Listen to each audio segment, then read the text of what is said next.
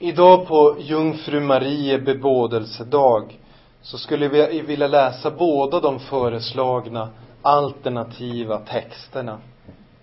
Eh, därför blir det en ganska lång skriftläsning som ni får gärna förbli sittande. Det är från Lukas evangeliets första kapitel och från den 26 versen. I sjätte månaden blev ängeln Gabriel sänd av Gud till en jungfru i staden Nasaret i Galileen. Hon var trolovad med en man som hette Josef och var av Davids släkt och jungfruns namn var Maria. Ängeln kom in och sa till henne, Gläd dig, du benådade, Herren är med dig. Men hon blev förskräckt vid hans ord och undrade vad denna hälsning kunde betyda. Då sa ängeln till henne, frukta inte Maria, du har funnit nåd hos Gud. Se, du ska bli havande och föda en son och du ska ge honom namnet Jesus. Han ska bli stor och kallas den högstes son och Herren Gud ska ge honom hans fader Davids tron. Han ska vara konung över Jakobs hus för evigt och hans rike ska aldrig få något slut. Maria sa till ängeln, hur ska detta kunna ske? Ingen man har rört mig. Ängeln svarade henne, den helige ande ska komma över dig och den högstes kraft ska vila över dig. Därför ska också barnet kallas heligt och Guds son. Och se, din släkting Elisabet ska på sin ålderdom också få en son. Hon som man har sagt är ofruktsam, hon är nu i sjätte månaden. Ty för Gud är ingenting omöjligt. Maria sa, se, jag är Herrens tjänarinna. Må det ske med mig som du har sagt. Och ängeln lämnade henne. Vid den tiden skyndade Maria till en stad i juda bergsbygd och gick in i Sakarias hus och hälsade på Elisabet. När Elisabet hörde Marias hälsning då spratt barnet till i hennes moderliv och hon blev uppfylld av den helige ande och ropade med hög röst Välsignad är du bland kvinnor och välsignad är din livsfrukt. Men varför händer detta mig, att min herres mor kommer till mig? Se, när ljudet av din hälsning nådde mina öron, då spratt barnet till i mig av glädje. Och salig är du som trodde, ty det som Herren har sagt till dig ska gå i uppfyllelse. Amen. Herre, helga oss i sanningen. Ditt ord är sanning. Amen.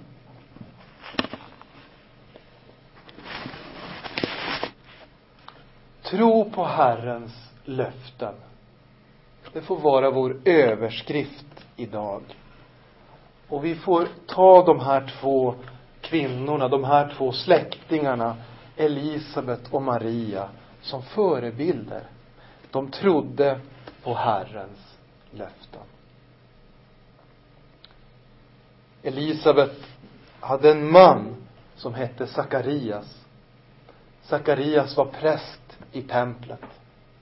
Men när ängeln kom till honom i templet, vi kan läsa om det i Lukas första kapitel, lite tidigare, just innan den här versen. När ängeln kommer till honom i templet, ängeln Gabriel, och berättar för honom, dina böner har besvarats. Du ska få bli far. Då tvivlar han. Han tycker det är svårt att tro. Jag är ju gammal, säger han. Och min hustru Elisabet, hon är gammal. Det kommer aldrig att kunna gå. Det är det mänskliga svaret på Guds löften. Det kommer aldrig att kunna gå. Det ordnar sig aldrig. Det är det normala för oss att tänka när Gud ger oss sina ord om den märkliga nåd han skänker oss. Men Guds kärlek och Guds allmakt, den övergår vårat förstånd. Ett vanligt problem för oss människor, det är att vi vill förstå Gud utifrån våran egen erfarenhet. Vi kan tänka på oss själva kanske och hur vi själva eventuellt är som föräldrar. Vår kärlek till våra barn, den är ofta så stark och ändå är den begränsad. Vi tappar tålamodet ibland. När bebisen gråter och skriker för den tionde natten i rad, då kan en tanke ligga där. Ah, det hade varit skönt att få sova istället. Tänk att få slippa barnskrik på natten. Eller när lite större barn för tionde, tjugonde, trettionde gången gör det där vi har sagt att de inte får göra. Då är det lätt att tappa tålamodet. Våran kärlek och vårat tålamod, det är begränsat. Som föräldrar så har vi också begränsad makt. Det har alla människor. Oavsett hur mäktiga de än är. De kan inte göra allt. Inte ens för sina barn. Sjukdom drabbar alla. Ålderdom drabbar alla. Sorger drabbar även de rika och mäktiga.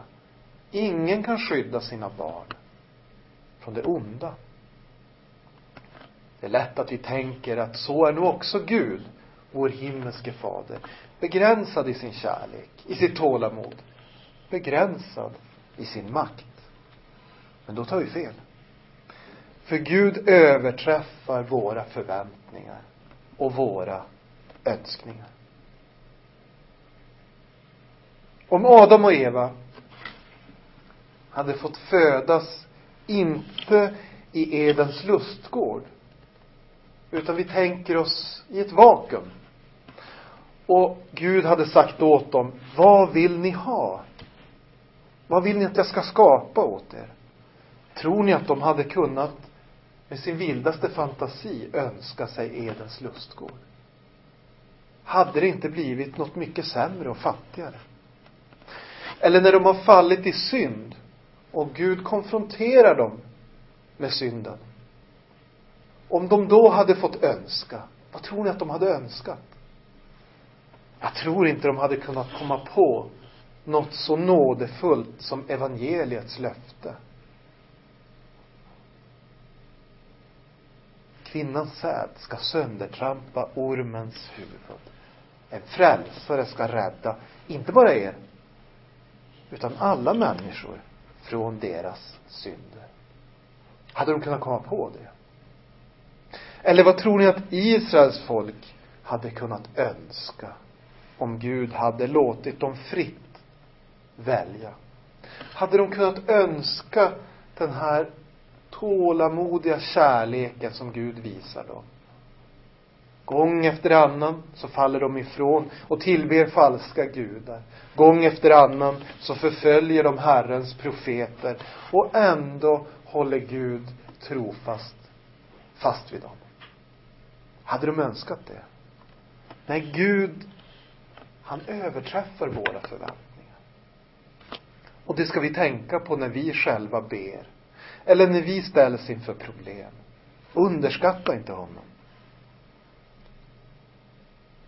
Vi kan också ibland reagera med tveksamhet, oro eller otro inför Gud. Precis som Sakarias gjorde. Han hade ju goda skäl. Han hade ju goda skäl att tvivla på det här nådens budskap. Att hans son ska bli Johannes döparen. Han är ju gammal. Hans fru är gammal.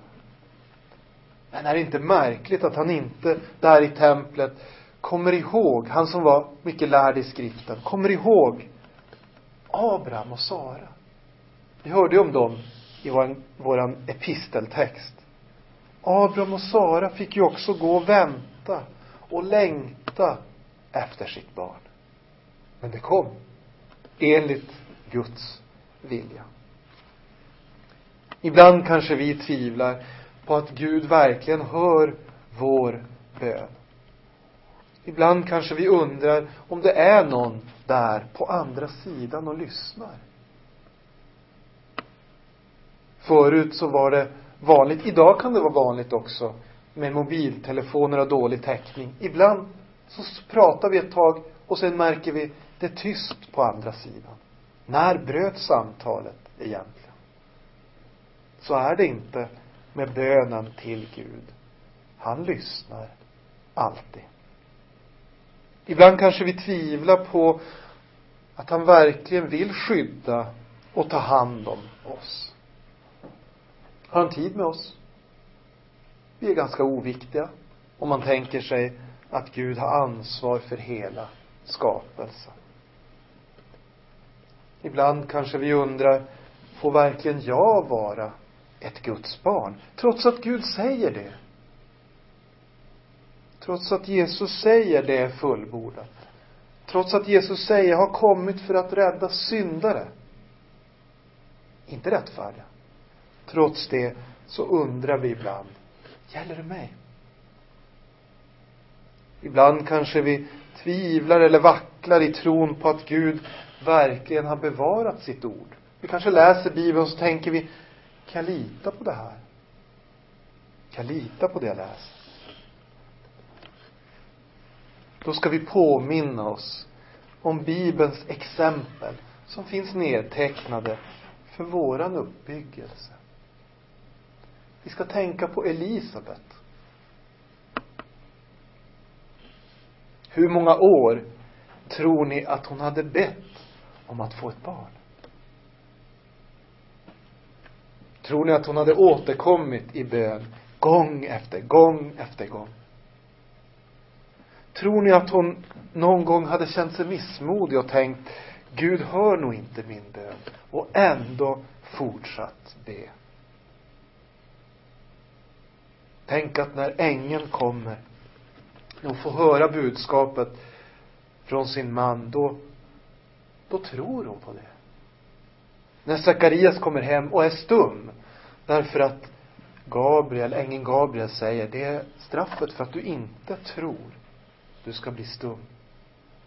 När han kommer hem och sen får talets gåva tillbaka och berättar om det han har hört, då tror hon på det. Trots att hon har blivit besviken så många gånger.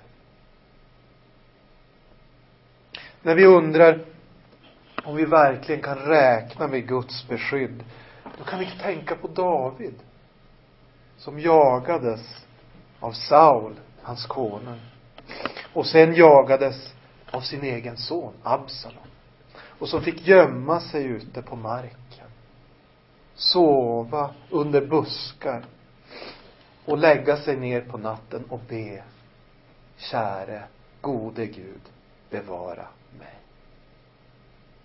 När vi undrar om vi verkligen får vara Guds barn, då ska vi tänka på Petrus, som svek Jesus nästan värre än alla de andra lärjungarna. Förnekade honom. Trots sina stolta försäkringar om att han minsann aldrig skulle falla. Vad säger Jesus när han har uppstått? Han säger Gå och berätta om detta för lärjungarna och särskilt för Petrus.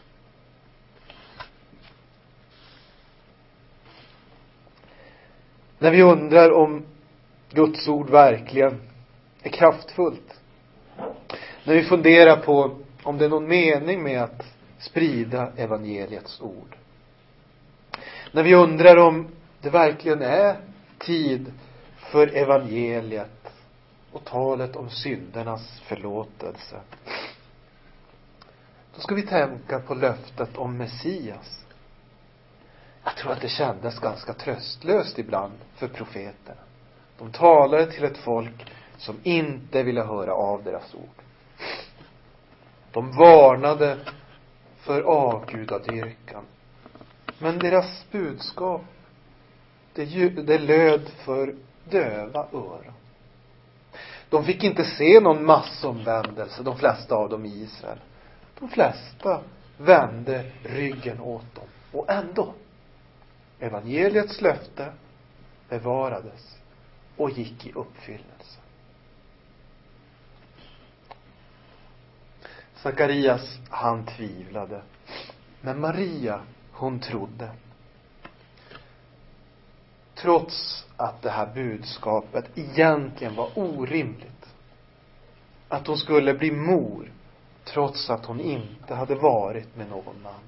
Ingen man har rört mig, säger hon. För de andra paren, Abraham och Sara och, och Sakarias och Elisabet, de hade ju i alla fall en partner.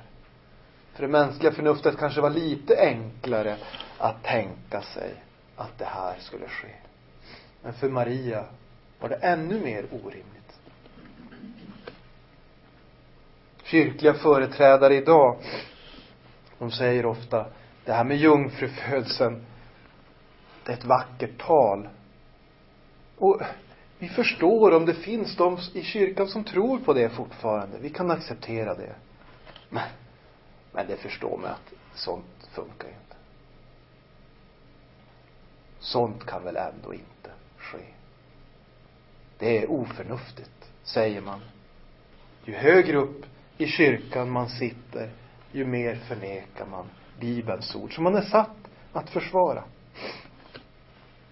Man säger, hur kan Gud göra en människa gravid? Gud är ju ande. Det är orimligt. Men ännu konstigare kan man tycka är väl talet om att barnets rike ska bli evigt. Så säger ängeln till Maria. Det handlar inte bara om att hon ska få ett barn. Han ska bli kung för evigt. Vad tror de om det? Är inte det omöjligt? Och ändå säger Maria, tack.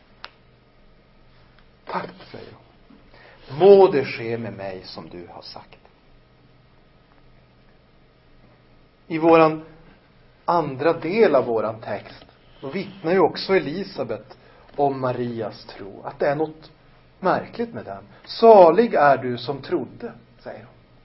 Det är märkligt att du kunde tro på det här budskapet. Det är ett Guds under. Det är inte för att du Maria är så smart. Det är inte för att du Maria är så skriftlärd. För att du har läst så mycket och utbildat dig som du kan förstå Guds löfte. Utan det är genom ett under. Det är av nåd som du förstod och trodde. Hon hade ju sett sin egen man, Elisabet, komma hem stum. Just för att det var så svårt att förstå budskapet. Löftet, det går också i uppfyllelse. Elisabet, hon uppmuntrar ju Maria när Maria kommer till henne. Utan att Maria har hunnit berätta ens vad det är som ängeln har sagt till henne. Så börjar med Elisabet med att säga. Vad glad jag blir att du kommer. Till och med barnet i min mage spratt till av glädje när de hörde din röst. Johannes döparen i min mage spratt till av glädje när han hörde din röst. Genom ett under. Till och med det ofödda barnet profeterar om att det här ordet ska gå i uppfyllelse. Det är märkligt. Det är märkligt i en tid då många tänker på det ofödda barnet som bara en cellklump. Bara en cellklump som man kan kasta i soptunnan. Det ofödda barnet spritter till av glädje.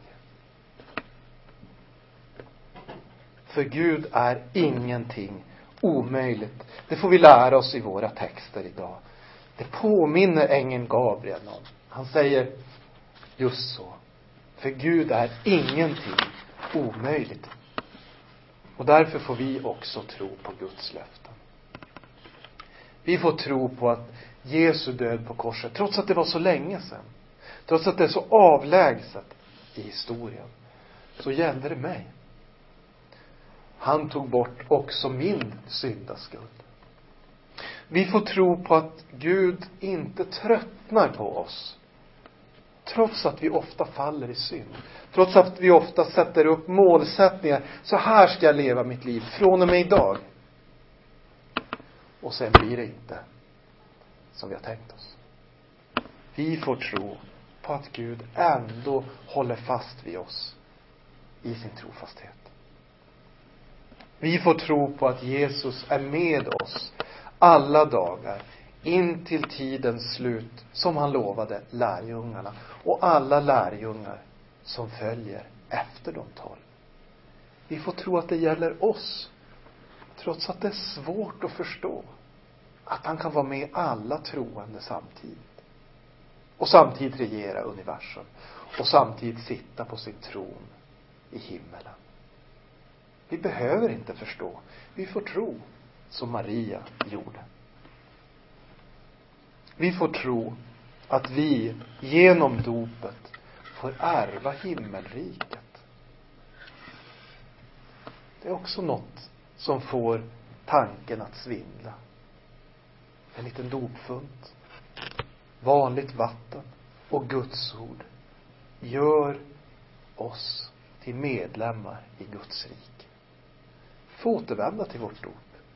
Vi får tänka, Gud har lovat att jag är hans. Hans ord kan inte bli om intet. Även vi får tro på Guds löften. Amen. Låt oss be. Käre himmelske Fader. Du vet att vi, liksom Sakarias, ibland tvivlar på ditt ord. Du vet att vi ibland tycker det är svårt att, att få det att gå ihop. Du vet att vi aldrig helt och fullt kan omfatta det med vårt begränsade förstånd. Hjälp oss att ändå tro som Maria, som Elisabet och som faktiskt också Sakarias gjorde. Vi ber, käre Fader, att vi, att vi får förlita oss på dig. Lägga vår mänskliga oro åt sidan. Våga tro att du bär oss när ingenting annat riktigt bär. Det ber vi om. I din evige Sons namn. Amen.